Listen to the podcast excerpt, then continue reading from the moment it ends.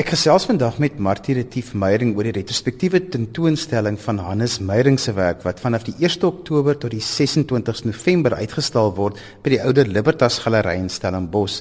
Martie, hy het 'n baie besondere verhouding met die dorp gehad. O ja, hy het Hannes sal op 11 Oktober 80 gewees het, maar jy weet hy wou mos altyd 300 jaar oud word toe hy's dan dood op 75 en so dit beteken hy's baie jonk dood so ek dink 'n bietjie daaraan aan hoe sy werk nou eintlik jy weet sal voorkom. Ja hy het 'n baie besondere verhouding met die dorp. Hy het hier groot geword was hier op skool gewees. Jou familie is hier en ja. Dit sy kunswerke is daar verskeie invalshoeke rondom argitektuur ja anders was 'n uh, uh, hy was 'n expressionist en hy was ook baie lief vir ekspresionisme. Jy weet hy het 'n sy gunsteling uh, skilders is ook die ekspresioniste. Hy's 'n Kandinsky fan en uh Gabriela Munter en uh, Emil Nolde en die mense het hy nou baie baie bewonder in sy eie werk.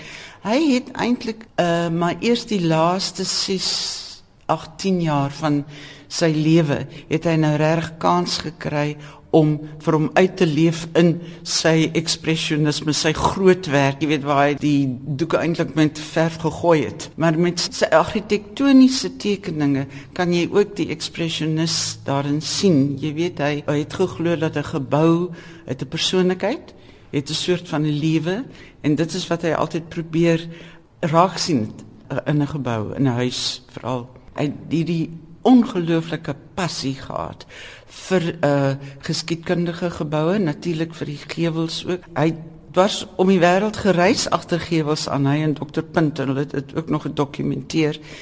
En hy het hier ook natuurlik uh, in die Kaap in die Boland, Huguenote land, het hy dink ek feitelik al die verskillende soorte gewels het hy ook gedokumenteer en ook geteken. En jy weet dit was altyd dan sien jy se ou lyntjies en jy weet die krulle en die goed en so aan, dan is dit nou die persoonlikheid van daai gewel wat sou uitkom. En ek het nou die dag het ek 'n interessante ene van hom gesien van La Gratitude, jy weet die oog op het hy nou te kere gegaan met daardie oog. Jy het net so 'n bietjie daarna verwys, maar later sy loopbaan waarvoor hy toe net begin tyd kry het Hannes groter werke begin uitvoer, veral enamel op bord wat in 'n wonderlike ekspresionistiese styl. Ja, en hy was gek daarna gewees en, en daar's baie min van daai werk. Wel ek het feitelik niks meer self nie, maar ek het ook baie daarvan gehou. En iemand het eendag daarna gekyk en gesê: "Hannes, is jy nou Jackson Pollock?" Toe sê jy bedoel daai ou in Amerika. O nee, hy, is ook goed. Om argitek te wees impliseer dikwels langdradige prosesse met munisipale regulasies. Dink jy sy kunswerke was 'n vorm van ontvlugting hiervan en 'n versigtiging na 'n meer direkte vorm van uitdrukking? Absoluut. Absoluut, Johan. Dit was vir hom bitter om met die owerheid te werk en jy weet te wag vir goedkeuring van planne en so aan. Ja, ek dink hy het, jy weet hy sou enige plek sit en dan sou hy sommer net begin teken het. Wanneer ons gereis het, het hy ook, jy weet, nie opgedag by afsprake nie want hy het ergens vasgesit en hy het begin teken, jy weet, en vir tyd verloor en plek verloor en dan wag jy maar tot, tot 9 uur. Ek het al dikwels gedink ek moet die polisie op hom sit. Maar ja, dit was sy passie. Hannes het 'n baie belangrike bydrae tot die bewaring van Suid-Afrikaanse argitektuur gelewer. Nou onder sy aanvoer het die westerse fasade van die kerkplein byvoorbeeld behoue gebly. Vertel ons meer oor sy passie vir bewaring en kortliks miskien ook van sy publikasies hieroor. Ja, hy het hy was 'n bewaringsman in murg en been en uh, hy het agt boeke Hy was nie die skrywer van 8 nie, ek dink 'n skrywer van baie min hy en Ters van Huisteen het saamgewerk aan verskeie boeke. Iets wat ek ook nou die dag gekry het onder sy goed. Hy het kan jy glo van die ou Denel het hy hulle wapentuig geteken vir 'n publikasie. En dit was vir my toe baie interessant die argitektuur van die wapens, die kanonne en die gewere. En hy was 'n man wat bitterlik teen jag byvoorbeeld was en daai soort van geweld. Maar hy het dit pragtig, pragtig ekspresionisties het hy dit vir hulle geteken. Maar bewaring ja, hy is uh, nogal 'n bietjie bietjie fanaties geweest oor bewaring want hy het geglo 'n een eenheid moet ook bewaar word. Dat as jy in 'n straat afloop, jy nie net 'n enkele huis sien nie, dat jy die omgewing sou sien die hele uh, eenheid. En dit is hoekom hy ook so baie gehou het van hierdie uh informele nedersettings want dit het ook later 'n eenheid gevorm al die drade en die sink en die kleure jy weet en die soort van vierkantige huisies wat hulle gebou het van sink. Nou ek onthou toe hy oorlede is, het mense gesê maar wie gaan nou kaalvuis beklei vir ons geboue? Het hy baie keer gefrustreerd geraak met die owerhede juis oor dat hy so soos jy sê hy was 'n kampvegter en hy het regtig nie doekies omgedraai as dit kom by bewaring nie. Ja, hy het gefrustreerd geraak en hy was nie altyd diplomaties nie. En hy het uh, kan 'n mens maar sê groot veldslae gehad, nie altyd gewen nie. Maar tog snaaks genoeg het hy nogal vriende gebly met die mense met wie hy so verskriklik verskil het. een van Hannes se laaste argitektoniese projekte voor sy dood was natuurlik die imposante Rupert Museum in Stellenbosch waar die Rupert se kunsversameling gehuisves word. Nou dis so verruklik dat hierdie gebou juist twee van sy groot liefdes bymekaar bring, argitektuur en kuns. Vertel ons meer van daardie projek. Wel, mevrou Rupert het eh, die opdrag gegee en sy heel eerste aanbieding vir haar was 'n glasstruktuur. En sy het gesê, "Hannes, jy gaan nou terug en jy gaan doen vir my iets wat lyk soos Suid-Afrika." Sy wou gehad dit met 'n skuur effek in 'n plaas en sy het gesê, "Dis waarvoor jy lief is en dis waarvoor ek lief is." Hy en mevrou Rupert het nou nogal 'n soms 'n stormagtige verhouding gehad, maar hulle het baie goed op die ou en klaar gekom.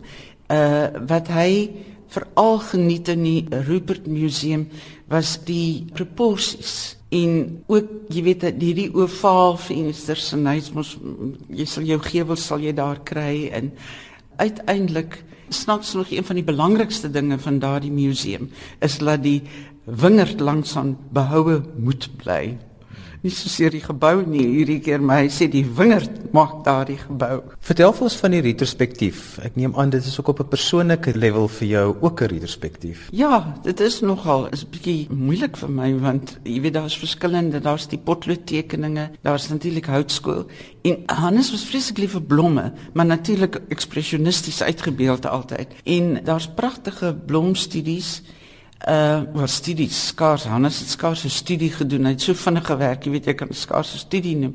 Maar uh, dit en dan het ek ook van die waterverf gekry wat pragtig is en ook ou dorpies. Uh daar's nie vreeslik baie werk meer wat ek het uh, van hom nie maar uh, ek ek dink daar's nogal taamlik verteenwoordigend van wat hy gedoen het wat ons nou in hierdie versameling kan wys. Ek dink die oude Libertas galery wat 'n betreklike nuwe galery is maar in 'n ou ruimte sou Hannes opgewonde gemaak het omdat dit so mooi is en ek dink al sy liefdes word in hierdie gebou bymekaar gebring. O ja, o ja, hierdie galery is net asemrowend mooi, né? Nee.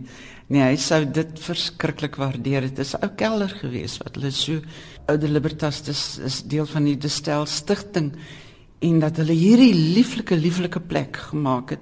En natuurlik, jy weet dit die argitektuur pas ook natuurlik aan met met wat hier aangebou is in die lieflike ou huis, natuurlik die wingerd rondom. So ek dink hy sou gek gewees het na hierdie plek. Martie Hannes het baie indrukwekkende geboue op groot skaal ontwerp, maar sy kunswerke sien 'n mens dat hy tog ook 'n aangetrokkenheid gehad en jy het ook nou al dit genoem tot die platteland pondokkies en dit wat op menslike skaal is. Verklap dit iets van Hannes as mens? Waarvoor onthou jy hom? Ja, jy's reg. Johan, jy's heeltemal reg. Hy pondokkies was vir hom wonderlik. Uh mense, hoe mense lewe was vir hom natuurlik die 'n uh, inspirerende ding en uh, die platland dinge wat mense gemaak het om hulle omgewing te verbeter. Hy was baie lief ook om na Soweto te gaan.